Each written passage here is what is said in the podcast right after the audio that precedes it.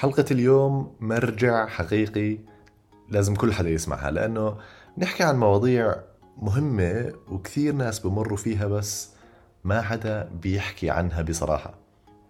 مواضيع مهمة للشباب والإناث بالأخص للشباب صراحة لأنه بنحكي عن مواضيع مثل الضعف الجنسي سرعة القذف بنحكي كمان عن الالتهابات المتكررة ليش بتصير عند البنات أكثر كيف الكل يحافظ على صحة جهازه البولي والجهاز التناسلي مع التقدم في العمر ومواضيع أخرى مع الدكتور بهاء الرضاونة وهو أخصائي جراحة الكلى والمسالك البولية.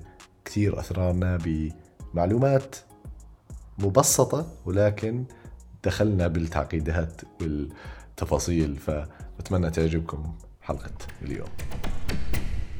كم نسبة الناس تتوقع اللي بيعانوا من ضعف جنسي الرجال؟ أه بصراحة نسبة عالية. يعني أنا أحكيها وبكل ثقة. أكثر من 50% من الشباب تحديدا عندهم مشكلة الضعف الجنسي. في منهم أصلا هو مش عارف إنه عنده ضعف 50% جنسي مور ذان 50% نعم, نعم. وبأي أعمار؟ الأعمار تتراوح بس الأغلب هي الشباب والمقصود بالشباب اللي هي من عمر 20 يعني لعمر 40 استنى يعني هلا انت بالعيادة بتشوف شباب أكثر من كبار exactly. بالعمر؟ أنا أغلب الشيء هم شباب. وهي اللي أنا دائما بحكيها إنه العمر الشباب هو اللي صار الآن معرض لمواضيع الضعف الجنسي زمان كان يجوا الكبار بالعمر عنده بروستات عنده ضغط عنده قلب شرايين قلب مفتوح. لكن اللي اللي اللي قاعد بشوفه حاليا وأنا وزملائي حتى ولما نجلس مع بعض وبنحكي إنه نتفاجئ بنسبة كبيرة من الشباب من الضعف الجنسي. عمر ال 20 30 40 بأشكال ويعني بمسميات مختلفة. آه. اللي بيجي بيقول لك أنا عندي سرعة قذف اللي بيجي بيقول لك أنا عندي ضعف انتصاب اللي عندي بيقول لك أنا خلينا خلينا معناته نرجع ونعرف موضوع الضعف exactly. الجنسي علميا. الضعف الجنسي هي زي الأمبريلا زي يعني المظلة اللي بيجي فيها تحتيها يا إما سرعة قذف بيجي بيقول لك أنا عندي سرعة قذف. هو بجوز ما يكون يعرف. بقول لك أنا هذا ال normal لازم أنا لا مش normal فسرعة القذف تعتبر ضعف جنسي. الضعف الانتصاب هو يعتبر ضعف جنسي يمكن هو وانخفاض الرغبة الجنسية يعتبر ضعف جنسي. بس ال mainly هو ضعف الجنسي اللي هو الانتصابي اللي بنحكي عنه. هو ضعف الانتصاب هو يعني بداية الانتصاب أو الاستمرار بالانتصاب. حلو ممتاز. الانتصاب هو بينقسم لقسمين إما البداية إنه بصير في انتصاب وقوة والاستمرارية. هي هاي النقطة. هلا مش مشكلة إنه يصير عندك انتصاب المهم إنه يستمر. عدم استمراريته هو اللي بسموها الضعف الانتصابي هاي النقطة اللي لازم دائما نحكي فيها مع الناس خصوصا إنه بيجي واحد بيقول لك أنا عندي انتصاب صباحي فرضا. انتصاب الصباحي هذا شيء مؤشر إيجابي وهذا دائما بحكيها النقطة للشباب. إذا في انتصاب صباحي معناته اطمن إنه صحتك الجنسية كويسة. ليش بصير الانتصاب صباحا؟ الانتصاب الصباحي هو تأثيرات هرمونية داخلية بعيدة عن العامل النفسي. ليش هسه نرجع للنقطة الأولى؟ ليش الشباب عندهم أكثر مشاكل الجنسية؟ لأنه في عوامل نفسية. عوامل نفسية زي إيش؟ يعني عوامل حواليهم. مشاكل مادية فلوس كذا اجرات آه، متجوزين بدوش يتجوز ما فيش وظيفة فيش وظيفة الراتب ما بكفي كذا. أضف إلى ذلك في ناس بيجي علي بيقول لي دكتور طب أنا يا عمي زلمة وضعي المادي كويس كيف تقول لي عامل نفسي يعني؟ هي نفسها المشكلة الضعف آه. بتضلها داخل المخ بصير يفكر فيها شو بدي أسوي بكرة شو بدي أسوي بعد بكرة كيف بدي أتجوز؟ بخاف كذا. حلقه مفرغة. آه أنا متجوز طب أنا شو بدي أسوي مع مرتي؟ كذا. فهي نفسها بتصير تعمل له قلق تمام؟ هلا ال... يعني في خلينا نحكي بشكل عام آه، وصححني إذا بحكيك غلط آه، نوعين من الضعف الجنسي أو أسباب الضعف الجنسي. واحدة شيء عامل نفسي وشيء عامل عضوي. 100% نعم صحيح. هي هي بتنقسم لقسمين معروفة. عامل نفسي والمقصود فيه الظروف اللي حكيتهم قبل شوي وعامل جسدي أو عامل عضوي. يعني بيكون عنده مشكلة. زي إيش مشكلة؟ يكون عنده مثلا سكري ضغط شرايين. في عوامل غير مباشرة بنسميها زي مثلا السمنة الدخان وليش بقول لك أنا الشباب؟ ممكن نشرح بشكل مبسط يعني إيش بصير أثناء عملية الانتصاب؟ يعني شو دخلها بالشرايين مثلا؟ حلو. هلأ عملية الانتصاب هي الفكرة فسيولوجيا هي عبارة عن ضخ دم داخل القضيب. نعتبر هيك فرضا يعني آه. مجازا إنه القضيب هو عبارة عن tube وبصير في دخول للدم. دخول الدم بشكل قوي بيعطي انتصاب قوي. لكن إذا الشرايين اللي بتوصل الدم للقضيب فيها مشاكل فيها سكر فيها انسداد فيها تصلب معناته الضعف راح يكون إذا في leak برضه إذا في exactly. هذا الشيء الثاني اللي هو اسمه التسريب. مش حكيت إنه إحنا في عندنا انتصاب وبعدين في استمرارية. م. الاستمرارية هو التسريب. م. تمام؟ عشان هيك أصلا ال cornerstone تبع الأدوية اللي بتعالج ضعف الانتصاب هي أصلا هي زيادة ضخ الدم للقضيب. من هاي الفكرة. رح رح نيجي لهذا الموضوع لأنه مهم. فيعني خلينا نحكي لو حدا بيشاهدنا ويعني نسبة كبيرة من الشباب عندهم هاي المشاكل بأنواع مختلفة وعنده هاي المشكلة. أول شيء لازم يفكر طبعا يعني أول شيء لازم يستشير مختص مثلك بس آه، خلينا نحكي يعني أول شيء أنت ممكن تسأله إياه هو آه، بدك تعرف إذا في جانب عضوي أو في جانب نفسي. 100% وصولك للطبيب هو نص العلاج أي بما أنك أنت اعترفت في المشكلة. آه. هاي أهم نقطة. أما في ناس بيكونوا عايشين في دينايل لا أنا كويس أنا ممتاز أنا لا ما عنديش مشاكل. لا بالعكس هذا غلط. فوصولك للطبيب أو استشارتك للطبيب هاي نص العلاج. 100% بالمناسبة هاي يعني هاي هاي من أهم الأسباب اللي عم بعمل هذا البودكاست. لأنه فيش حدا بيحكي عن هذا الموضوع. صحيح. والمشكلة هاي من نوع المشاكل اللي يعني لأقرب الناس لك ما بتحكيها صح صح صح. وبالعكس أنا بشكرك على هذا الموضوع لأنه أنت الآن بتخاطب ناس هو بينه وبين حاله ترى المشكلة بفكر فيها يوميا. فلما يسمعنا إحنا ممكن على الأقل يتشجع عشان يروح على الطبيب ويستشير ويعرف لأنه بتنحل المشكلة. لأنه هاي ترى عليها عليها سلسلة ثانية. يعني إذا أنت ما انحلت المشكلة بتدخل بديبرشن بتدخل بمشاكل وأنت بغنى عنها. مشاكل علاقات آه، علاقات زوجية. زوجية. يعني بصراحة يعني للأسف بدي أحكي لك إياها بجوز أنا مش مش مبنية على دراسات ولكن أغلب حالات الطلاق أو بدناش نحكي أغلب لكن جزء كبير من حالات الطلاق في فيها عامل جنسي في عامل ضعف جنسي بصير. برود بين الطرفين مشكلة عند الزلمة. مشكلة عند المرأة. فهاي هي كمان بتلعب دور. بس يعني بالإضافة لأسباب أخرى طبعا, طبعاً. إحنا مش رح ندخل بخصوصيات الناس يعني. ولكن هذا هذا الواقع يعني. طيب حكيت الشخص عنده مشكلة راح استشار الطبيب إيش الأشياء اللي بتخليه يفكر إنه هاي المشكلة نفسية؟ مش 100% عضوية؟ هلا إحنا طبعا بنبلش دائما بال history. بنأخذ منه history بنفهم منه إيش المشكلة متى بلشت. ممكن يقول لك والله أنا من زمان عندي المشكلة. م. أها لا هي معناته ممكن يكون شغلة عضوية. آه. في ناس أغلبهم هلأ خصوصا إنه نحن هلأ بموسم أعراس. تجوز تلاقيه بيقول لك والله دكتور أنا لي أسبوع أسبوعين بس مش ظابطة معي يعني. هذا على الأغلب عامل نفسي بيكون متوتر. حياته كيف لم الفلوس وكيف تجوز والعرس والناس والدنيا والعالم وشويه وشو صار وشو كذا. فهذا بضغط نفسي عليه. فهذا على الأغلب بيكون عامل نفسي. خصوصا بقول لك أنا زمان كنت كويس كنت حاسس حالي كويس بس هلأ صارت فجأة. مم. أما إذا قال لك من زمان أنا عندي المشكلة وأنا شاعر عندي مشكلة معناته هاي أغلب على الأغلب عضوية. مم. يعني ممكن يكون في عندي مشكلة في البروستات دوالي بالخصيه آه، سكري ضغط مشاكل هرمونات نقص بالهرمونات هاي الأمور آه، يعني بتلعب دور. أما إذا عامل نفسي بقول لك والله أنا شغله صارت فجأة هيك بس آه، هاي هي. الشغلة الثانية الانتصاب الصباحي. هل بصير عندك انتصاب صباحي؟ نعم. طب ليش بصير انتصاب صباحي؟ لأنه هذا نايم لأنه هذا مرتاح. لأنه هذا مرتاح خلص صار عندك انتصاب صباحي. مخه مرتاح. لو ما في انتصاب صباحي معناته لا في فعلا مشكلة عندك في الجهاز التناسلي. تمام؟ هاي واحدة من الأسباب. في شغلة صغيرة هلأ خطرت على بالي صحيح وإحنا بنحكي عن الهرمونات. في نقطة مهمة جدا جدا جدا جدا بحكيها للشباب وللاسف ما حدا برد علي فيها. في ناس كثير بتعاطوا هرمونات خصوصا اللي بيروحوا بدي بيلدينج ومش عارف شو وبقول لك أنا باخذ وبنظف. هذا واحدة من الأسباب اللي كمان كنت أشوفها والله. إنها بتأثر على الهرمونات عند الشخص وبتأثر عليه جنسيا وبموضوع العقم والإنجاب. فهاي نقطة ضروري كمان أنبه عليها بال زي العوامل الجسدية.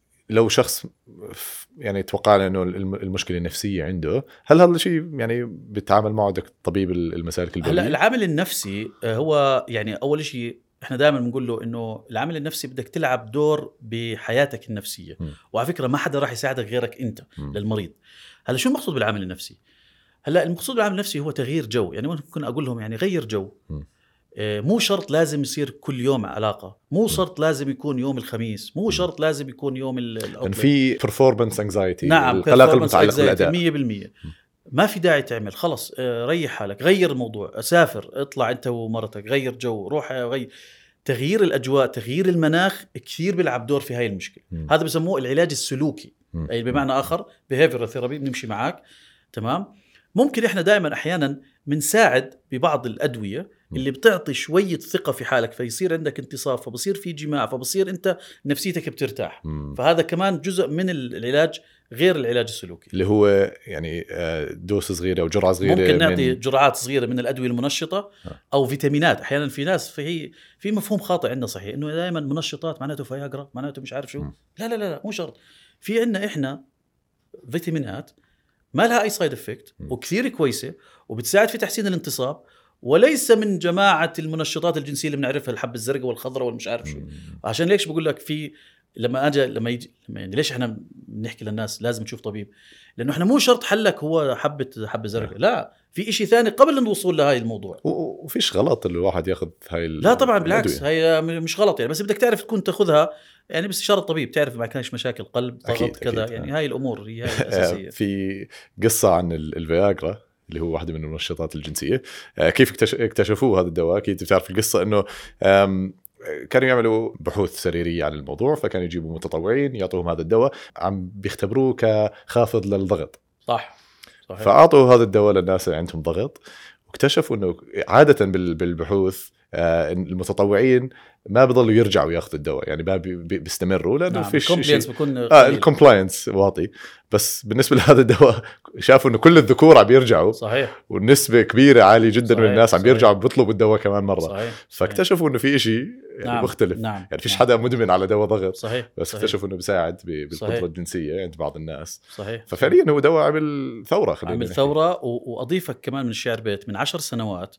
لقوا إنه جزء من المنشطات الجنسية بجرعة معينة اللي هي جزء جرعة صغيرة تقريبا الخمسة ملغ بتساعد في تحسين الأداء الجنسي زائد حماية البروستات أو. يعني كمان صحة البروستات. وعشان هيك إحنا من جديد ما بنصير نعطي أدوية بروستات للناس فقط بنعطيه هذا الدواء اللي بيساعد على الجهتين اللي هي البروستات زائد العامل الجنسي.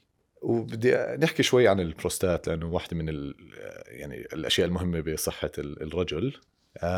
بس خلينا شوي بموضوع الضعف الجنسي أكيد، شوي أكيد. خلينا نحكي شوي عن العلاجات صحيح. طيب إذا استمرت الشغلة ويمكن كمان في مشكلة عضوية إيش آه، صح. الخطوات القادمة هلا إحنا دائما بنبلش بالعلاج السلوكي بعدين العلاج الدوائي بعدين إذا شفنا إنه ما في فايدة هون بنلجأ ل طب خلينا نحكي شوي عن العلاج الدوائي يعني كيف بينعطى إيش الجرعات العلاج الدوائي عادة إحنا عادة الناس بدها تعرف شغلة آه أنواع المنشطات الجنسية مختلفة. بأسماء ومسميات مختلفة وبشركات مش رح ندخل بالاسماء التجارية رح ندخل بالأسماء العلمية. آه. الاسم العلمي له اللي هو الفياجرا اسمها السلدنافيل والثاني اللي اسمه التدلافيل. أوكي؟ هلأ هذول لازم الواحد يعرف أنا متى آخذ سيالس ومتى آخذ اللي هو التدلافيل ومتى آخذ ال- الفياجرا. لازم يعرف الناس بيناتهم. هذا في فرق بيناتهم؟ فرق كبير. هلأ التدلافيل هو يعطى للاستمرارية. إنه الواحد بأخذ الحبة بتضل مفعولها معاه 36 ساعة. يعني ما في داعي ثاني يوم تأخذ حبة. أيوه. تمام؟ أما الفياجرا هي فقط one action لليوم الفلاني للساعة الفلانية وبعدين خلص مش راح يعني مفعولها أربع خمس ساعات. أما هذيك مفعولها أطول شوي. تمام؟ الفياجرا إلها شوية أعراض جانبية التدلافيل أقل اللي هو السيالس. تمام؟ الاسم اللي بلشت فيه يعني. أه بديش ناس الناس يفهموني غلط إني قاعد بسوي دعاية للفياجرا والسيالس هم كلهم زملائي اللي بدهاش. بدهاش دعاية دكتور كل الناس تعرف عن هاي يعني. الادويه آه فهاي هي بس برضو كمان مش يعني إنه هلأ سمعت من هون على البودكاست إنه يروح هلأ على الصيدليه بده ياخذ أعطيني والله قال لي الدكتور على البودكاست إنه لا لا لا لا لا لا, لا دير بالكم. لا شغلة مهمة أنت حكيتها إنه يعني في فروقات لازم تعرفها. آه ف صحيح. يعني عشان هيك مهم مهم إنه. ما تشتري هالأشياء لحالك صح صحيح تشتريها تحت الاستشارة صحيح، الطبية. صحيح، إحنا صحيح. للأسف يعني آه، إحنا عم نصور بالأردن وكثير دول عربية. بي- بيقدر الواحد يشتري هاي الاشياء آه، صح. استشارة. وهذا اللي, إحنا كنت بدي أحكي عنها اللي هي الغلط إنه الواحد باخذها على رأسه. وهذا غلط. والله أعطيني من الحبة بدي اسلك مش عارف شو. لا أنت بدك تعرف شو اللي عندك. في ناس بيكون عنده سرعة قذف. بيظل يأخذ فياجرا فياجرا ما بيتحسن. ليش؟ لأنه هو ما تعالج لسرعة القذف. والله يا ما دكتور سرعة كم القذف. كم مرة بيجيك شخص بيكون عم بيعاني من هاي المشكلة؟ سنين وسنين. وبيوصل عندك بتكون الحل المشكلة يعني بسيط نوعا ما. ال... يعني كثير. وفي ناس بيجي بالصدفة. بيكون جاي مع زميله جاي والله بدي أفحص. إيه؟ والله دكتور أنت يعني أنا عادة عندي مشكلة والله سرعة قذف. باجي بسأله بقول له أنت عندك سرعة بالقذف؟ يعني هل بصير قذف مبكر؟ بقول آه.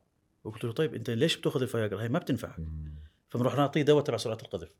فإيه؟ بيجي بيقول إيه والله اختلفت الدنيا. شفت كيف؟ بكون له شهور وعايش على ذاك الموضوع. شفت علي كيف؟ فهاي هي المشكلة اللي بتصير. لازم أنت تعرف وين المشكلة. في ناس بيجي بيقول لك أنا والله مشكلتي مش موضوع انتصاب أنا مشكلة الموضوع كله مش جاي على بالي هذا نقص بالرغبة بتفحصه بتلاقي التستوستيرون عنده قليل يعني أو بتلاقي هرمون ثاني اسمه الحليب البرولاكتين عالي تمام؟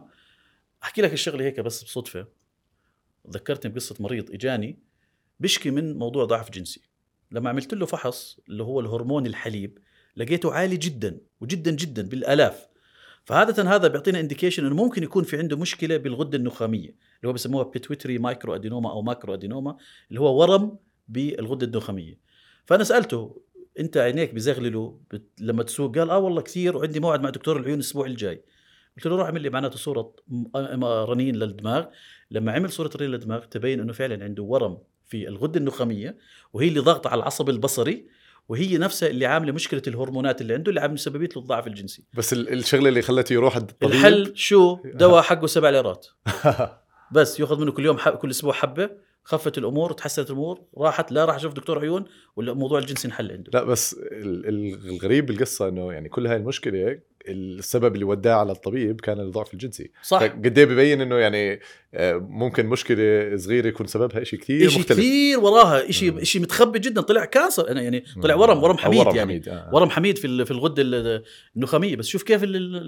جابت واحدة جابت الثانية. يعني, يعني آه، فموضوع إنك تروح للطبيب ضروري ضروري. مش موضوع والله أنا بدي آخذ دواء على راسي خاصة. بالأمور هاي المعقدة. صح، آه، صحيح. يعني أقول لك صراحة أنا طبيب باطنية ولي شوي على هاي المواضيع. يعني عم بتعلم منك كثير اليوم. وواحدة من الأشياء اللي هلأ تعلمتها إنه في فروقات بين هاي الأدوية. طيب خلي حكينا شوي عن ال- الدوايين هدول.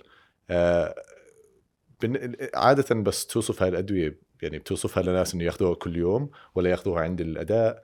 يعني إيش في جرعات مختلفة؟ جميل. هلا الفياجرا عادة بيجي بجرعتين بس عيارين ال 50 وال 100 واللي بنعطى فقط لأداء يوم معين فقط أوكي؟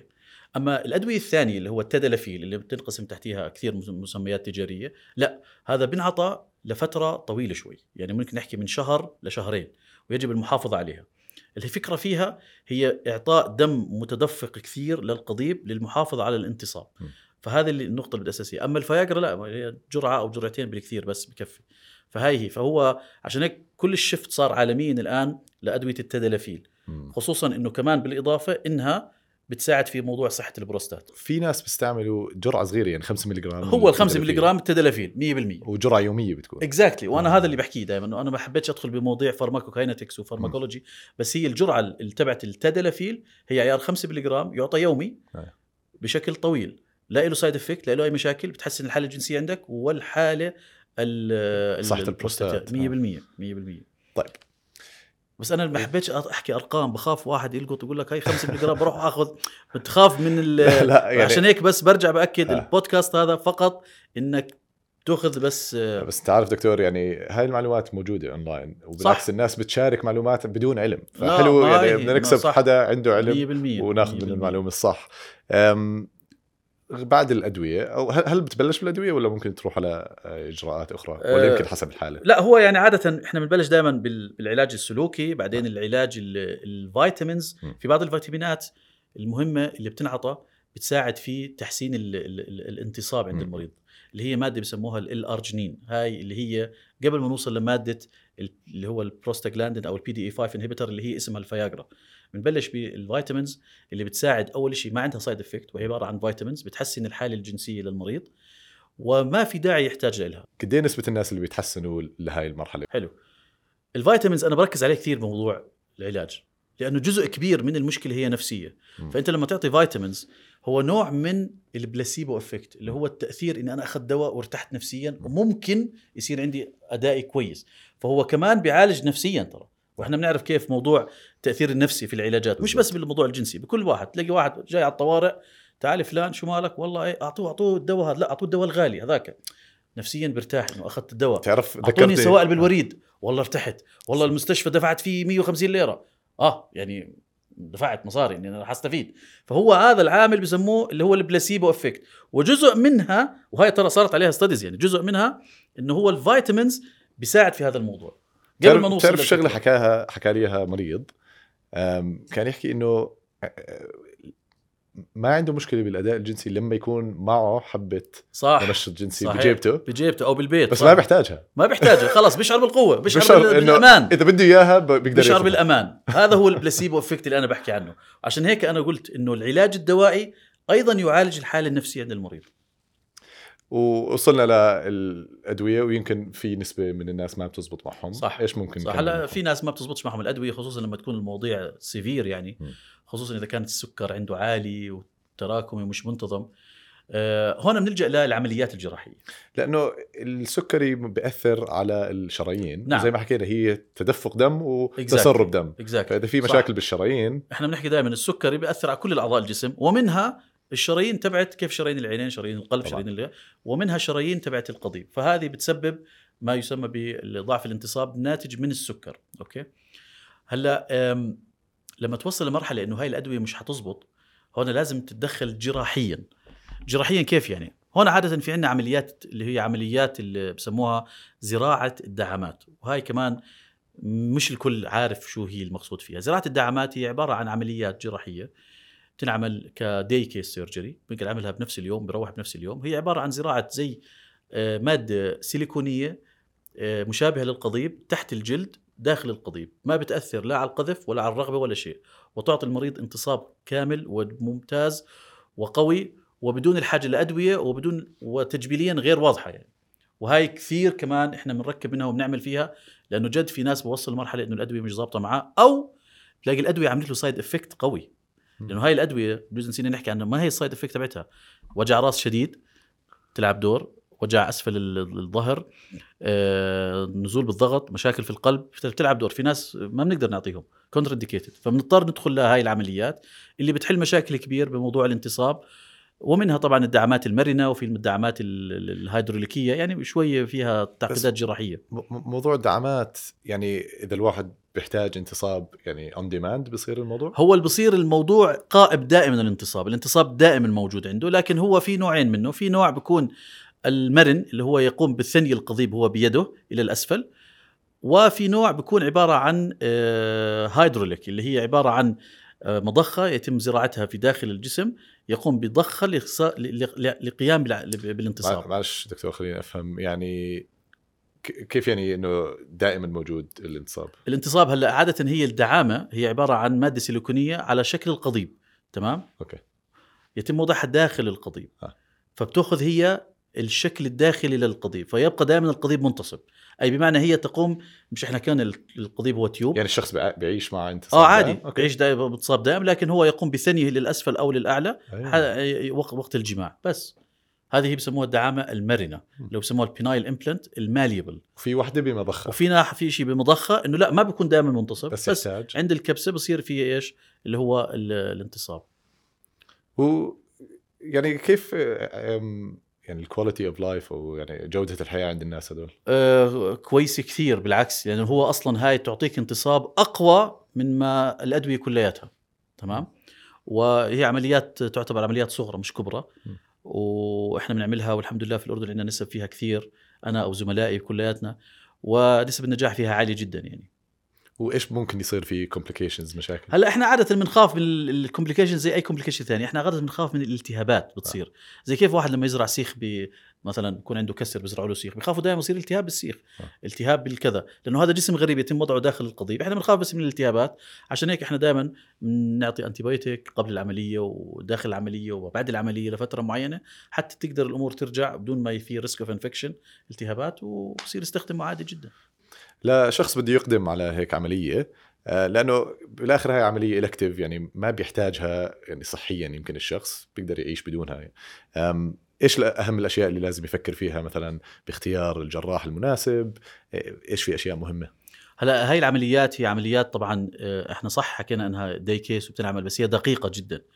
يعني دائما أهم شيء لما بدك تختار بدك تختار الجراح وبدك تعرف بأي مكان لأنه هاي العمليات لازم تكون المستشفى نظيف. لازم العملية تكون في مستشفى كويس معروف. آه، غرف العمليات لازم تكون updated ما فيش فيها أي حدا بدخل لأنه ال risk يعني الالتهابات عالية جدا من أي شيء لازم يكون مطلع آه، على هذه المشكلة بتفاصيلها وتحديدا ال complication وتحديدا الالتهابات. عشان هيك أنا دائما بحكي لمرضاي. مثلا بيجيني مريض عنده السكر التراكمي عالي 12 13 أنا ما بعمل له عملية. بقول لي ليش ما أنا عندي السكر؟ قلت له ما بقدر لازم ينزل السكر لازم يتحسن السكر عندك حتى أقدر أعمل لك عملية حتى أصلا ما يصير عندنا ال complication اللي بنخاف منها فهو كمان لازم يكون مهتم بموضوع السكر التراكمي عنده الالتهابات هاي كلياتها ما يكونش عنده التهابات في البول واحد ممكن يكون عنده التهاب بول عشان هيك لازم إحنا نعمل فحص بول نتأكد فيش عنده التهابات. فهاي الأمور اللي لازم الواحد ينتبه لها بالإضافة لأنواع الدعمات الدعمات في عندنا أنواع مصنعة في شيء من أمريكا في شيء من روسيا في شيء من أوروبا. وكل واحدة لها سعر معين ولها كذا. فيعني هاي الأمور سهل جدا الاطلاع عليها سهل جدا الجراح يشرح لك عليها يحكي لك شو الأنواع الموجودة وهي موجودة أصلا أونلاين يعني كمان. وهل في علاجات أخرى غير الدعامات؟ يعني هلأ إحنا عادة ما فيش علاجات بس بصراحة يعني في أه، بعض الأنواع المنشطات الجنسية اللي بتكون على شكل إبرة. هاي معلومة كمان يعني بدي أحكيها. هلا إحنا دائما كل ال- ال- النشاطات الغذائيه عبارة عن حبوب لكن المشكلة إنه ال side effect بتصير systemic في إبر اللي هي نفسها إبر الفياجرا أو خلينا نسميها شعبيا الفياجرا اللي هي بتنعطى داخل القضيب حتى يصير في انتصاب وتكون local effect مش يكون systemic الشخص بتعلم يعملها لحاله. آه أنا بعلم مرضاي في بكون الإبرة بتجيبها بقول له كيف تأخذها وكذا هاي بتعطي الانتصاب بالداخل في أجهزة ثانية أجهزة تجارية وأنا بصراحة اجينست هذا الحكي وفي كثير عليها دعايات في في الجرايد في الدنيا في المجلات الجهاز الكذا الجهاز المش عارف شو. النصيحة اللي بدي أحكيها ترى ما في إشي علاج للجنس عبارة عن إشي بالجريدة أو بالتلفزيون لأنه هذا مش مش مش مبني على دراسات.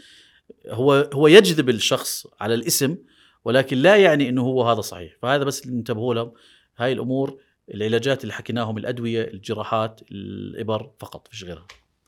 طيب حكينا قبل شوي عن سرعة القذف. خلينا نحكي عن هذا الموضوع شوي إنه أسبابه تمام. الشائعة. هلا البداية بدي أشرح شو يعني سرعة القذف. في ناس بيقول لك سرعة القذف أنا دكتور بصير عندي قذف بعد ساعة بعد ساعة ونص. طبعا هذا مش سرعة قذف. زمان كانوا يفسروا أو يعني يوضحوا سرعة القذف أن يكون القذف بعد ثلاث دقائق من الجماع. بعدين إجت ال American Urological Association غيرت المفهوم.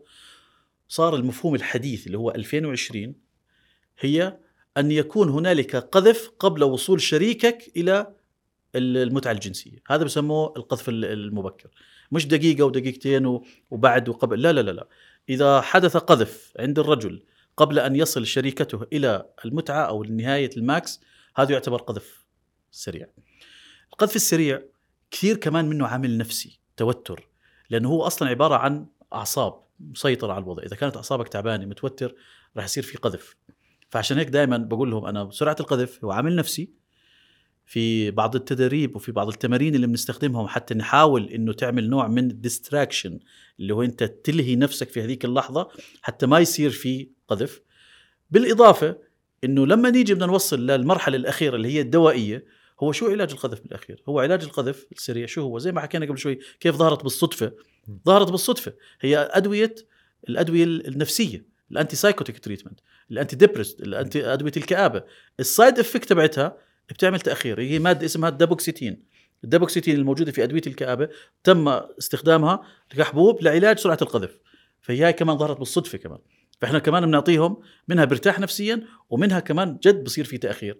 في كمان طرق ثانية اللي هي عبارة عن كريمات يتم وضعها على القضيب حتى نوع من التخدير. لو إني أنا هذا اجينست هذا الحكي بحس إنه هذا غلط لأنه بصير أحيانا بصير نوع من فقدان الإحساس عند الشخص. فإحنا بنكون مشكله بصير مشكلة ثانية. آه ف فأنا لا ممكن- ممكن افضلها يتأخر القذف بس هو مش مستمتع. 100% 100% 100% فالتركيز على العامل النفسي. التركيز على ال distraction. شو يعني distraction يعني أنت بهذيك اللحظة حاول إنه ما تفكر إنه آه هلأ بده يصير قذف كذا كذا. ما تتوتر في هذيك اللحظة. بالإضافة إنه آه، استخدام الأدوية اللي ممكن تساعدك في آه، تأخير القذف. هل هي مشكلة شائعة؟ جدا. جدا جدا جدا. ويعني خلينا نحكي إنه الأغلبية هم بيجوا عندهم سرعة قذف لكن يعتقد إنه هو عنده ضعف انتصاب. بس هي فعليا سرعة قذف. فأنت لما تحل له مشكلة سرعة القذف بقول لك إيه الأمور صارت كويسة. ال- ال- ال- الانتصاب أصلا صار أحسن كمان. لأنه إحنا بنعرف هي الفكرة دائما القذف يأتي لقتل الانتصاب. هاي الفسيولوجي إنه الانتصاب لما يصير قذف بصير في ارتخاء. فالناس بتفكر إنه صار عنده ارتخاء لأنه هو عنده ضعف جنسي لا هو صار عندك ارتخاء لأنه صار عندك سرعة قذف. فهي شائعة نعم شائعة. وهل تأخر القذف مشكلة؟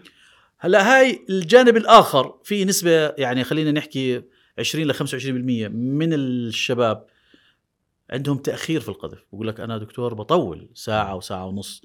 هلا نظرا إنه أصلا لا يجدوا إنه هاي فيها مشكلة كبيرة خصوصا إنه الناس بيعتبروها نعمة عندهم. ما صار عليها بصراحة دراسات أو أدوية أو علاجات أو مش عارف شو خوفا إنه لا سمح الله يصير العكس ويصير عنده إيش؟ سرعة قذف. فهي الناس اللي بيشكوا من تأخر بالقذف يعني إحنا عادة بنقول لهم إنه هذا الشيء طبيعي ما بيخوف ما بيأثر ما في له أي جوانب وأي مشاكل حتى أدوية ملوش يعني. طيب انت حكيت شغلة قبل إنه ع- يعني عم بشوف زياد في عدد الناس اللي عندهم ضعف جنسي بالأعمار الصغيرة وجزء كبير من هذا الشيء عامل نفسي. يعني شو بتتوقع ال- ال- السبب؟ هلأ يعني العامل النفسي المقصود فيه هون إحنا بتعرف في مجتمعاتنا خصوصا مجتمعات البطالة فيها عالية. آه، نسب ال- الناس اللي ما بيشتغلوا الرواتب قليلة. آه، سن الزواج تأخر. هاي كلياتها بتلعب دور في المشكلة. اثنين مش بس نلوم العامل النفسي في عوامل ثانية الدخان. يعني أنا بشوف في أولاد 18 سنة بدخن 17 سنة يعني مش منطق كمان. السمنة ال- الوزن الزائد هاي عوامل كمان بتلعب دور. الوزن الزائد السمنة الدخان هاي الأمور بتلعب دور غير العامل النفسي. أنا ما بقدر أتهم بس العامل النفسي صح. لحاله لكن هذول الثنتين آفة إحنا أنا قبل فترة بسمع إنه الأردن من الأعلى الدول العربية آه. بالدخان إذا صح. مش عالمية آه. تخيل يعني إحنا دولة 11 مليون يعني كمان مش أنا يعني في دراسة عملوها The Guardian عملوا يعني report على الموضوع تقريبا ثمانية من كل عشر رجال يعني يعتبروا مدخنين إما أرجيلة أو صح فيب أو صحيح صحيح ثمانية من عشرة يعني صح. من أعلى النسب عالميا صحيح والمشكلة إنه لما آجي أقول للمريض بقول له يا أخي دخان كذا بقول لك طب ما هي فلان بدخن وعنده خمس ست أولاد ما لهاش علاقة. ما آه. بصيرش تقارن حالك سلبيا بالناس. طب ما هي فلان رمى حاله من العمارة ووقع وما ماتش. معناته أنا أروح أرمي حالي من العمارة وأرمي مش راح أموت؟ لا. وبعدين هذا الخلفه ما لهاش دخل بالضعف الجنسي. ممكن يكون مخلفهم آه، انابيب ولا ممكن مخلفهم بشيء ثاني. فموضوع الدخان بيلعب دور كبير. وموضوع السمنة والنوع طبعا نوع الأكل نوعية الأكل الأكل ال- ال- ال- ال- الطعام المهدرج ال fast food هي كلها بتلعب دور. أنا ما بقول لك ما تأكل. أكيد حياتنا بدك تأكل شاورما وبرجر وهي قصص. بس ما تكون هاي هي الأساس في حياتك. يعني. هذا غلط. بعرفش إذا موضوع أنت مهتم بتجاوب عنه بس بحب أسمع رأيك. آه، لأنه كثير بوصلني أسئلة من شباب بيحكوا عن إدمان المواقع الإباحية إنه بياثر عليهم وبيعمل لهم ضعف جنسي. هل في ارتباط؟ والله هذا سؤال كثير ضروري جدا جدا جدا وأنا لازم يعني بالعكس لازم أحكيه بكل تجرد. مشكلة شبابنا إنه ثقافتهم الجنسية ماخذينها إما من قعدات الشباب مع بعض فلان والله سمع فلان. أو من الأفلام. والله يا دكتور آه، أنا عندي سرعه قذف. ليش؟ آه، بيجي بيقول لي والله الفيلم الفلاني. أو بيجي بيقول لك ال- القدرة الجنسية الفلانية. هذه المشكلة كبيرة لأنه أنت بتكون عايش في مقارنات وراح تظلك عايش طول عمرك في مقارنات راح تأثر عليك نفسيا وتظلك تشعر بضعف جنسي. إدمان المواقع الإباحية هاي يعني هاي مصيبة كبرى بصراحة.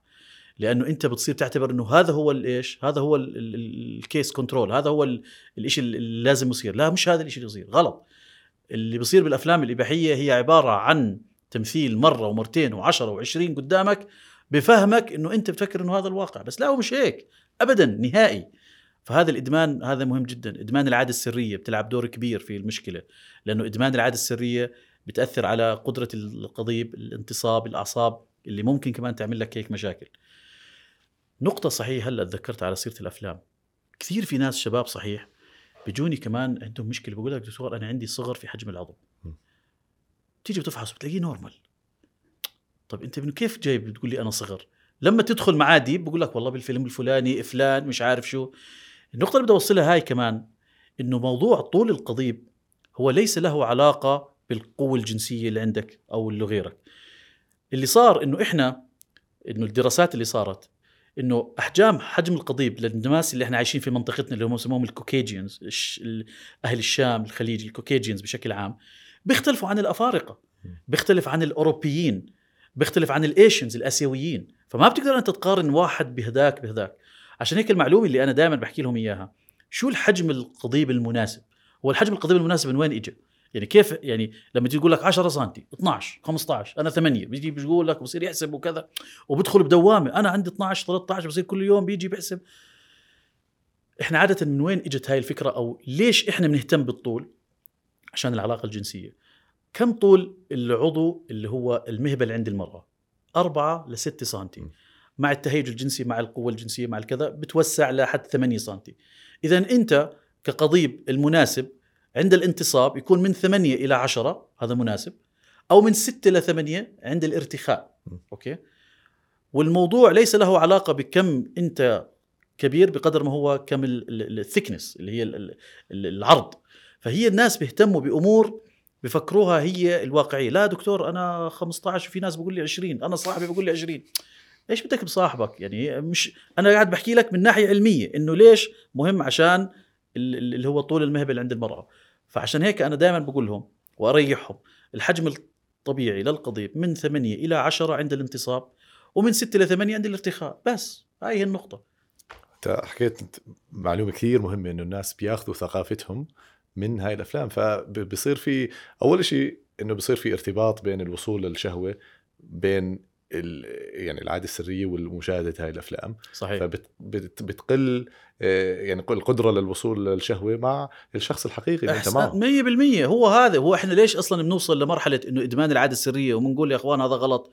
لأنه أنت بعدين لما بدك تتجوز لن تصل إلى النشوة الجنسية تبعتك لأنه أنت أصلا متعود على على العادة السرية. يعني أنت هذا اللي زرعته في مخك. عشان هيك في ناس كثير من الناس المتزوجين لساتهم يمارسوا العادة السرية.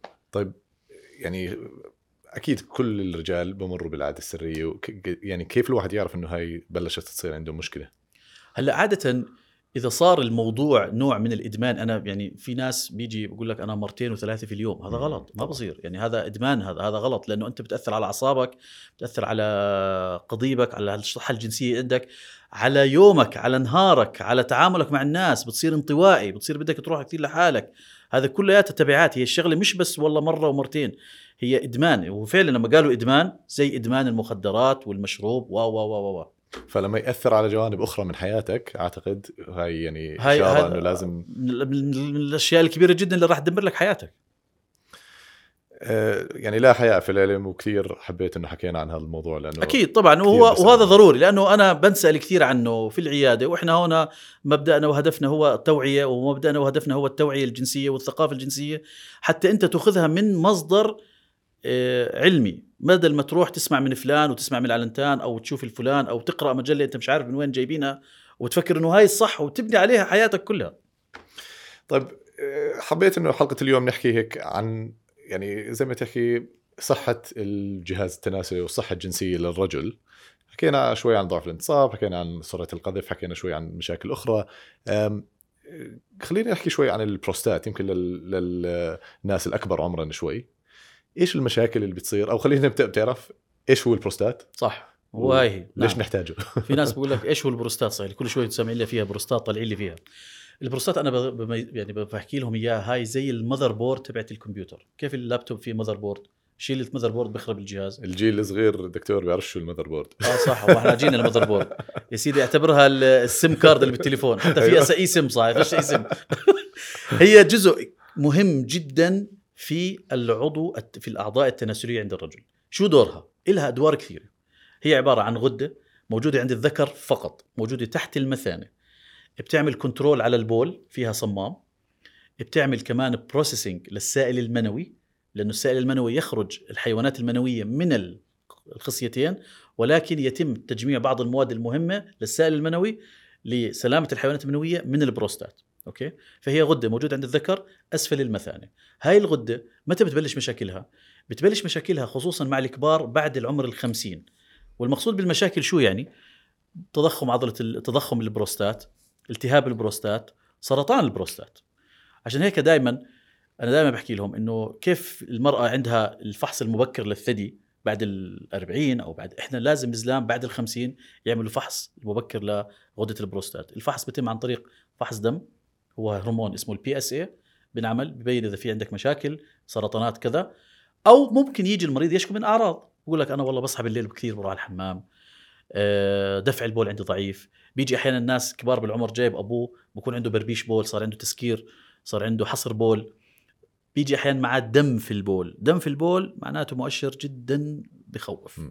دم في البول بدك تحط في بالك إنه نسبة عالية ممكن يكون لا سمح الله مشاكل مش كويسة زي السرطانات. طبعا في مشاكل ثانية زي حصوة التهاب لكن لما يكون كبير بالعمر وعنده دم في البول دائما شوي الواحد بيتجه للسرطانات. فكيف نحافظ على البروستات؟ نحافظ على البروستات بشكل إنه ما نحشر البول هذا ضروري جدا. حشر البول حصر البول لفترات طويلة هذا غلط جدا. آه عادة في شغلة دائما آه بحكيها. المنتجات الطبيعية وتحديدا اللي هو ال pumpkin اللي هو ال pumpkin اللي هو القرع. القرع. القرع. زيت القرع أو بذور القرع كثير مفيدة لموضوع البروستات وحتى صارت منها أدوية تنعمل بالصيدليات موجودة. شو هذا؟ والله بذر القرع تمام؟ زي كيف ال cranberry اللي هو التوت البري اللي بيساعد في التهابات المسالك البولية. نفس القصة عندنا البذر القرع اللي كثير بفيد بموضوع البروستات وأنا بنصح فيه دائما لكل شخص بعد عمر الخمسين. الناس اللي عندهم تضخم بالبروستات هل بزيد عندهم نسبة سرطان البروستات؟ التضخم البروستات هو عادة في تضخم حميد على الأغلب ولكن في جزء منه خبيث ال cancer أو التض- ال canc- cancer البروستات له له يعني له له factors معينة. زي مثلا إذا في family history في حدا بالعيلة كان عنده. إذا كان مدخن إذا كان عنده كان بتعرض لشغله بالزمانات إلى مواد كيماوية دباغة جلود هيك أشياء بتلعب دور.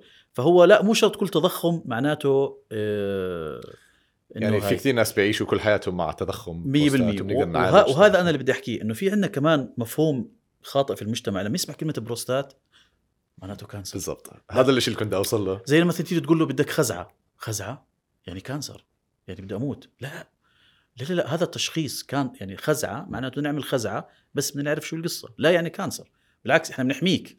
لما تسمع كلمة بروستات لا يعني إنه عندك سرطان. زي النس... زي ال- زي اللي عند النساء. عندك كتلة بالثدي. بروح بقى لها على cancer بالضبط. هو صح ماشي الخوف والكذا.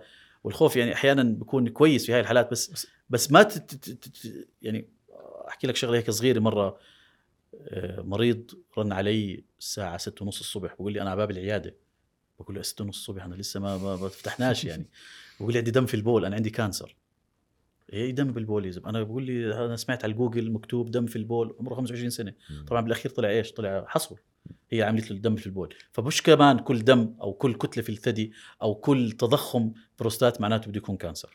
وبالمناسبة سرطان البروستات هو يعني من أكثر السرطانات شيوعا عند الرجال بس من برضه أكثر السرطانات اللي آه، بيقدر يعيش معها الشخص نعم. وقت طويل المثل- والشفاء فيها عالي. المثل بيقول you don't die from cancer prostate. You die with cancer prostate. أنت بتموت معاه. إذا لو فرضا لا سمح الله بده يصير في حالة وفاة أنت ما بتموت من ال cancer. انت بتموت. لأن في ناس كثير صار عندهم حالة وفاة وهو كان عنده cancer بس هو لا يعني ال cancer هو اللي موتك. حتى يعني في دراسات بتفرجي إنه ال screening اللي زيادة عن اللزوم لل... لسرطان البروستات ممكن ما يأث... يمكن يأثر سلبيا. exactly صحيح على صحيح على الناس. صحيح لأنه كثير صحيح. ناس ممكن يعني لو جبنا يعني لو حللنا كل شخص بعد وفاته من أمراض القلب أو أي شيء وطلعنا البروستات تبعه. نسبة كبيرة من الناس راح يكون في. سرطانات صح، صحيح. أو. خلايا سرطانية. ما وعلى فكرة ترى في جزء من من العلاج ال cancer البروستات اسمه wait and watch watchful and wait يعني ما تعملش شيء بالضبط. ولا شيء خلص خليه.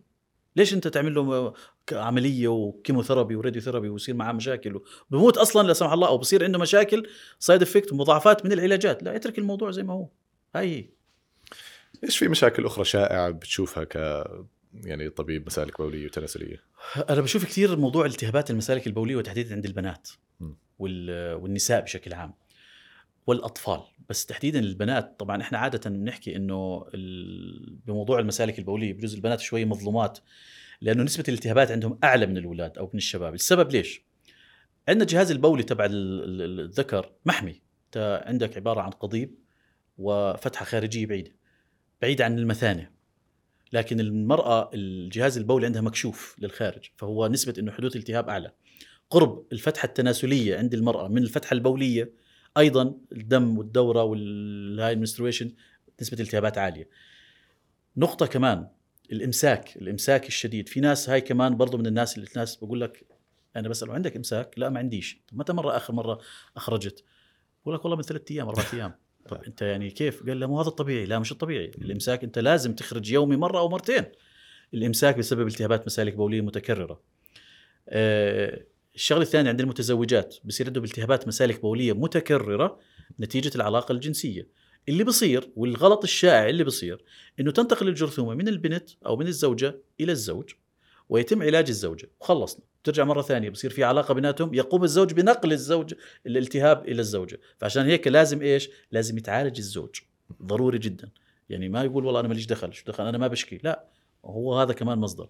فالتهابات المسالك البولية تحديدا عند الفيميلز عالية جدا والله. شوفها وحكينا شوي عن ال- البروستات وتضخم البروستات وأول الحلقة حكينا شوي إنه في آه، بعض الأدوية بتساعد في تقليل تضخم البروستات لبعدين. نعم. آه، يعني نعم. كيف إيش ال- الطرق الدوائية لتحسين صحة البروستات؟ جميل. هلا إحنا حكينا إنه في المواد الطبيعية اللي هو ال pumpkin seeds اللي هو بذور القرع. في عندنا أدوية كيماوية اللي هي الأدوية زي الأدوية اللي هي بسموها ال tamsulosins اللي هي اللي بتساعد في تحسين موضوع وهي بالأصل هي أدوية ضغط ترى. يعني بتعمل بتنزل الضغط وهاي ظلت لفترة. ولكن من ال side effect تبعتها إنها بتنزل الضغط وبتعمل مشكلة ثانية كمان جنسية عند الشباب اللي هي بسموه القذف الراجع. أي بمعنى إنه بصير اسمه retrograde ejaculation بصير عنده إنه ما بصير قذف بتلاقي القذف راجع لورا. فهاي الشغلة الثانية. نتيجة هاي السلبيتين لهاي الأدوية دخلت اللي هو الأدوية المنشطة الجنسية بجرعة صغيرة اللي هي ال 5 ملغ التدلافيل لعلاج موضوع البروستات. لأنه تبين إنه الدراسات إنه ال combined اللي هي التدلافيل بعيار 5 ملغ بتساعد في تحسين الوضع الجنسي عند الرجل والصحة البر- والبروستات وتضخم البروستات. فعشان هيك هاي صارت هلأ ماخذة هي دورها كبير في موضوع علاج آه، تضخم البروستات. طيب من الأشياء اللي كمان يعني شائعة نوعا ما هي مشاكل انثناء القضيب. صح. مم. نعم. آه هاي هاي كويس إنك ذكرتني فيها. آه الانتصاب دائما هو عادة مش راح نختلف في اي اتجاه راح يكون ولكن في ناس بكون عنده انحناء واضح جدا في الانق... في الهاي وهذا الحكي بيأثر على العملية الجنسية م. هذا الانحناء هو نتيجة عبارة عن بيكون في تليف صار في داخل النسيج الكهفي للقضيب فسبب عدم وصول الدم لهي المنطقة فسبب انحراف ل... ل... ل... ل... ل... للانتصاب هذا مرض بسموه بيروني. على اسم الطبيب اللي اكتشف الموضوع.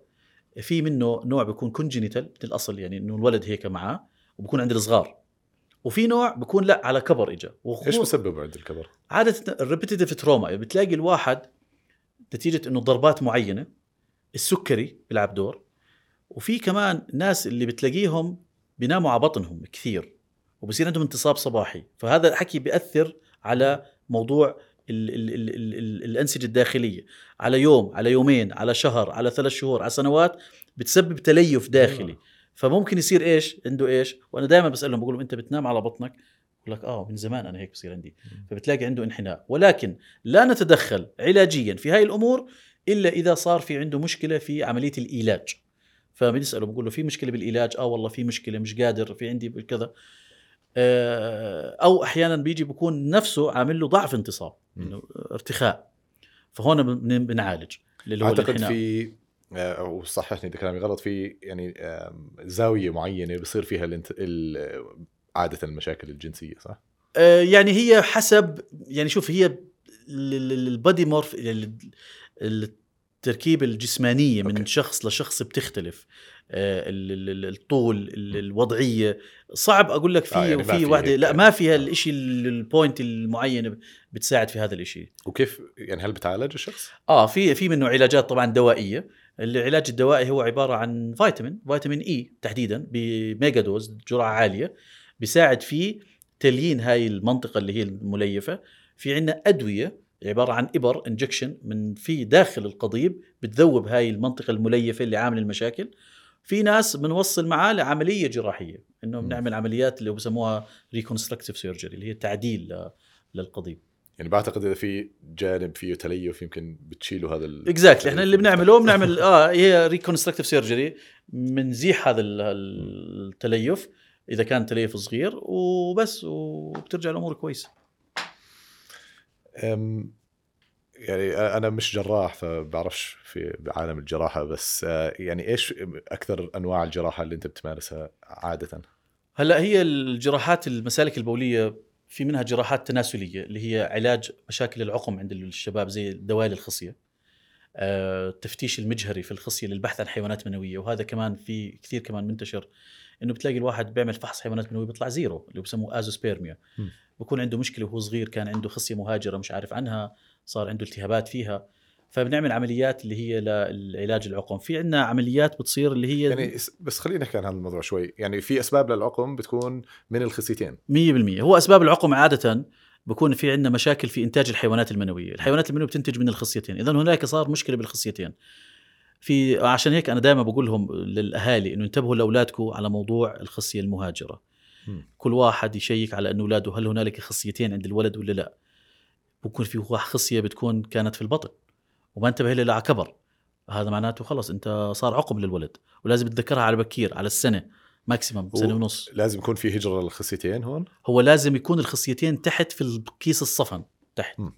عدم وجودهم معناته الخصية في البطن بسموها خصية مهاجرة اللي هي ectopic testis يعني خصية واحدة أو خصيتين؟ هم الثنتين لازم يكونوا تحت. أيوه. يعني هاي النقطة اللي دائما أنا بحكيها للأهالي وخصوصا لأطباء الأطفال اللي عند فحص الجنين أول من الولادة ينتبهوا الكيس الصفن في خصيتين ولا خصية؟ لا خصيتين خلص okay.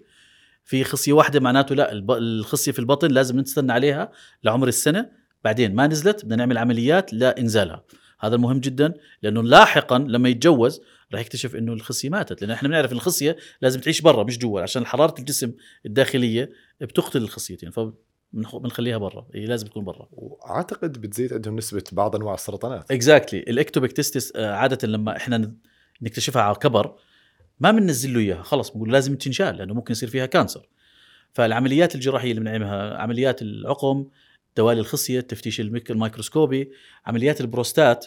عمليات البروستات زمان كانت عمليات بتخوف وناس بتخاف بقول لك لا بروستات معناته أنا بدي أصير سلس بول عندي وضعف جنسي. هذا زمان الحكي لما كانت عمليات جراحية. لكن الآن نحن نقوم فيها عن طريق المنظار الليزر التبخير هاي كلياتها بنتخلص من موضوع المشاكل البروستات بدون أي مشاكل جانبية زي الضعف أو السلس البول أو غيره.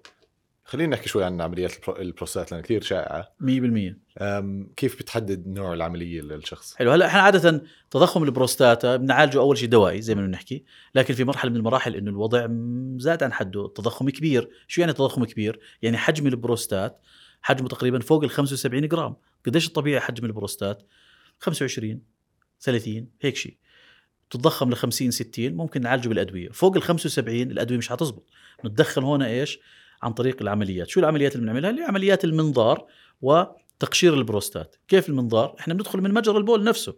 يعني ما بنعمل جراحة ولا بنفتح البطن ولا شيء. من مجرى البول الفتحه البولية بندخل من هناك بالجهاز تبعنا والمريض طبعا تخدير كامل أو تخدير نصفي. ونوصل لحد البروستات وبالجهاز هذا بكون موجود في عليه ليزر أو تقنية التبخير يقوم بتبخير المنطقة اللي عامله تضخم في البروستات والمحافظة على البروستات. وخلص هيك بصير طريق فاتحة عنده بصير يقدر يبول بصير يطلع البول كويس ببطل عنده مشاكل البولية كاملة أو حصر البول. طب هدول الناس متى بيحتاجوا يعيدوا هاي العملية؟ يعني بترجع عندهم المشاكل بعد هلأ يعني زمان في بعض العمليات لما كانت عمليات تقشير منظار عادية آه ممكن ترجع له بعد حوالي خمس ست سنين لكن مع وجود تقنية الليزر اللي بنعملها هلأ صار إنه نسبة إنها ترجع قليلة جدا وما صارت يعني. يعني بطلتوا تشيلوا البروستات كامل لا لا لا. زمان كانت أنت نعمل open prostatectomy يعملوا عملية وجراحية ومشكلة. لا لا هلأ إحنا بنعمل عن طريق المنظار ندخل للبروستات. البروستات بتدخلها عن طريقين يا إما عن طريق البطن. بسموه abdominal approach أو عن طريق مجرى البول اللي هو من فتحة البول نرجع لورا لما نوصل للبروستات. فهاي هي الطريقة الحديثة. أنا دائما بس أحكي عن يعني تحسين الصحة بشكل عام الناس الاصحاء اللي ما عندهم مشاكل محددة. دائما ببلش بالأشياء الحياتية زي يعني تغذية نوم جيد آه، رياضة آه، تفادي الدخان والأشياء هاي آه، طبعا يعني تفادي ال stress ال- والعوامل النفسية. فأكيد هاي بتلعب دور بكل الأعضاء التناسلية. بعدين الخطوة الثانية هي الأشياء اللي متعلقة مثلا بالقلب أو بالصحة الفلانية. نعم. إيش في أشياء ممكن تنصحها لشخص يعني لا يهتم بصحة جهازه التناسلي وجهازه البولي غير الأشياء الحياتية اللي بنعرفها؟ جميل. يعني هلأ إحنا دائما بنحكي عن شغلة اللي هي آه، طبعا حكينا عن نوعية الغذاء لازم تكون ضرورية. م. عدم حصر البول لفترات طويلة. م. الإمساك الإمساك هاي برجع بأكد عليها نقطة أساسية جدا. الإمساك هو واحد من الآفات الكبيرة اللي بتأثر على الجهاز البولي وبتعمل لك كمان التهابات مسالك بولية شديدة. فهذا النقطة جدا مهمة. موضوع حصر البول في ناس بقول لك أنا آه، بقرف من الحمام الفلاني آه، ما بديش إلا لما. أروح على البيت. هذا غلط لأنه ممكن تعمل لك مشاكل والتهابات بالبروستات. حصر البول لفترات طويلة مشكلة كبيرة. طب وال- والكشف المبكر في أشياء لازم يعملها الشخص؟ يعني حتى لو الشخص ما عنده مشاكل صحية.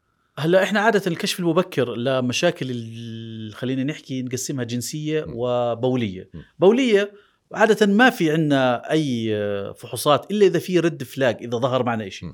يعني فجأة فجأة صار معك دم في البول م. هاي مهم ما فيش فيها هاي لازم تروح تفحص دم في البول شيء خطير أه وجع بالخاصرة شديد ومستمر ومؤلم هذا معناته ممكن عندك حصوة تمام هلا جنسيا إنه مثلا الواحد فقد الانتصاب الصباحي. مم. بقول لك أنا من زمان ما بصار عندي انتصاب صباحي.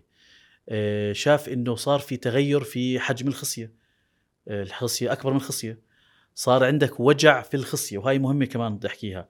وجع الخصيتين ما بصير تقول تطنش لأنه إذا ظل مستمر مستمر بتخاف إنه يكون في عندك إشي اسمه التواء بالخصية. والتواء الخصية هذا لازم نلحقه خلال ثلاث أربع ساعات. إذا إذا تأخرنا احتمال الخصيه تموت وبنضطر نعمل عملية ونستأصلها. كيف الواحد بفرق بين الوجع؟ أحيانا بصير معي وجع بيستمر صح. كم دقيقة وبروح. صح. مش كل وجع بالخصية معناته التواء. وجع الخصية ممكن يكون التواء ممكن يكون دوالي بالخصية م. ممكن يكون التهاب بالخصية. التهاب الخصيه سهل جدا بكون جدا وجع مؤلم محاط بإحمرار بالخصية. مم. هذا معناته التهاب. وجع الالتواء لا هو عبارة عن وجع شديد المريض نفسه بكون بعرج. أيوه. يعني بعرج وبكون أصلا صار معاه شغلة معينة. بتلاقيه لعب فوتبول إجته ضربة هون إجته مش عارف شو. فهذا الحكي بسموه التواء. تمام؟ موضوع وجع الخصيتين من الدوالي عادة بيختلف. بيكون بيكون عنده وجع لما يوقف كثير. بقول لك أنا لما أوقف كثير بصير عندي الخصيتين بتوجعوني. أو بالليل بشعر بحرارة أو وجع بالخصيتين. هذا بكون دوالي دوالي بالخصية. في كمان مشكلة أعتقد مش كثير شائعة بس يمكن أحيانا متعلقة بالأدوية اللي حكينا عنها اللي مستخدمة بالضعف الجنسي اللي هي استمرار الانتصاب لفترات طويلة. فمتى الواحد يعني يحس متى الواحد يعني يشوف إنه هاي الشغلة مشكلة وممكن تسبب له مشاكل أكبر بعدين هلا ال- عملية الانتصاب هي تتم على مرحلتين حكيت أنا إنه المرحلة الأولى اللي هي حدوث الانتصاب م. بس هي مش كثير مهمة م. أنا مهمني الاستمرارية م. دائما بقول لهم الاستمرارية. ليش كريستيانو رونالدو وميسي أحسن عالم لأن هم استمرارية لهم 15 سنة كويسين. مش هو سنة ظهرت وصارت. فالانتصاب أن يكون بالبداية قوي هذا تمام. بس الاستمرارية. هاي هون اللي لازم الواحد إنه هو اللي, اللي تنتبه عليه. إذا أنت ما عندك استمرارية بالانتصاب معناته في مشكلة. م. وهي المشكلة زي ما حكينا يا نفسية يا تسريب وريدي يا يا يا, يا. هاي القصص. في مرض اللي هو التسريب الوريدي اللي هو بكون عدم استمرارية الانتصاب. فهاي كمان من النقاط زي ما حكينا إنه آه الانتصاب الصباحي مفقود إذا استمرارية الانتصاب عندك ضعفت أو نزلت معناته في مشكلة م. ومن هاي الشغلة أصلا هو أيضا الفرق بين الأدوية في استخدام هاي العلاجات الفياجرا هي بتعطي صلابة م. قوية التدلافيل بتعطي استمرارية بس بضل آه. نفس قوة الانتصاب اللي عندك يعني هاي الشغلة بدي أكد عليها بتعطيك صلابة بس ما بتعطيك استمرارية. جميل؟ لكن التدلافيل تعطيك استمرارية بالقوة الانتصابية اللي انت طبيعي اللي عندك مش راح تزيدك شيء.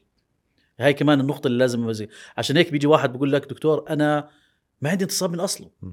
هذا مش راح ينفع معاه التدلافيل لا بيجي واحد بيقول لك دكتور أنا بصير عندي انتصاب وكذا وعندي لحظة ال- ال- ال- العلاج أو كذا بصير في ارتخاء معناته أنت مش راح تست... الفياجرا مش حتنفع معك راح تنفع معك الثانية. وفي مشكلة ال- البرايابيزم اللي لما يستمر الانتصاب. لساعات طويلة. 100% هلا أنا مش حكيت لك إنه في بعض الأدوية الإبر بنعطيها للقضيب برضه هاي خطيرة لأنه ممكن يصير عندك شيء اسمه الانتصاب القوي والدائم. وهذا في منه أنواع في منه الشرياني وفي منه وريدي فينوس وأرتيريال. وهذا كمان مشكلة لأنه إذا صار الانتصاب دائم لفترة طويلة ممكن يعود بالعكس بسبب زي نوع من الدمج والخراب للأنسجة الداخلية لأنه انقطع الدم عن الموضوع فهذا كمان مش مزح عشان هيك دائما آه لما واحد إذا بده يأخذ إبرة أو أخذ فياجرا بزيادة شاف إنه أخذ مرة ومرتين وطول الانتصاب عنده لا هذا إشي غلط ما بصير ويعني م- كم ساعة الواحد يعني المفروض يروح يعني نحكي عن تقريباً الطبية؟ من ثلاث ساعات لأربع ساعات أو أقل بشوية وانتصاب دائم معناته هاي مشكلة يعني. من ساعة لساعتين ثلاثة هيك شيء دكتور والله استفدنا كثير في حلقة اليوم. الله يسعدك شكراً بالعكس لك. يعني أنا بشكركم أنتم كمان إنكم فتحتوا لنا مجال نحكي هذا المواضيع الحساسة والمطلوبة واللي أنا بتمنى توصل لكل واحد حتى كمان هاي الأمور بتأثر بحياتك الشخصية مع حالك مع دراستك مع مرتك مع أولادك. بالعكس هذا إشي كثير أنا بشكركم عليه يعني.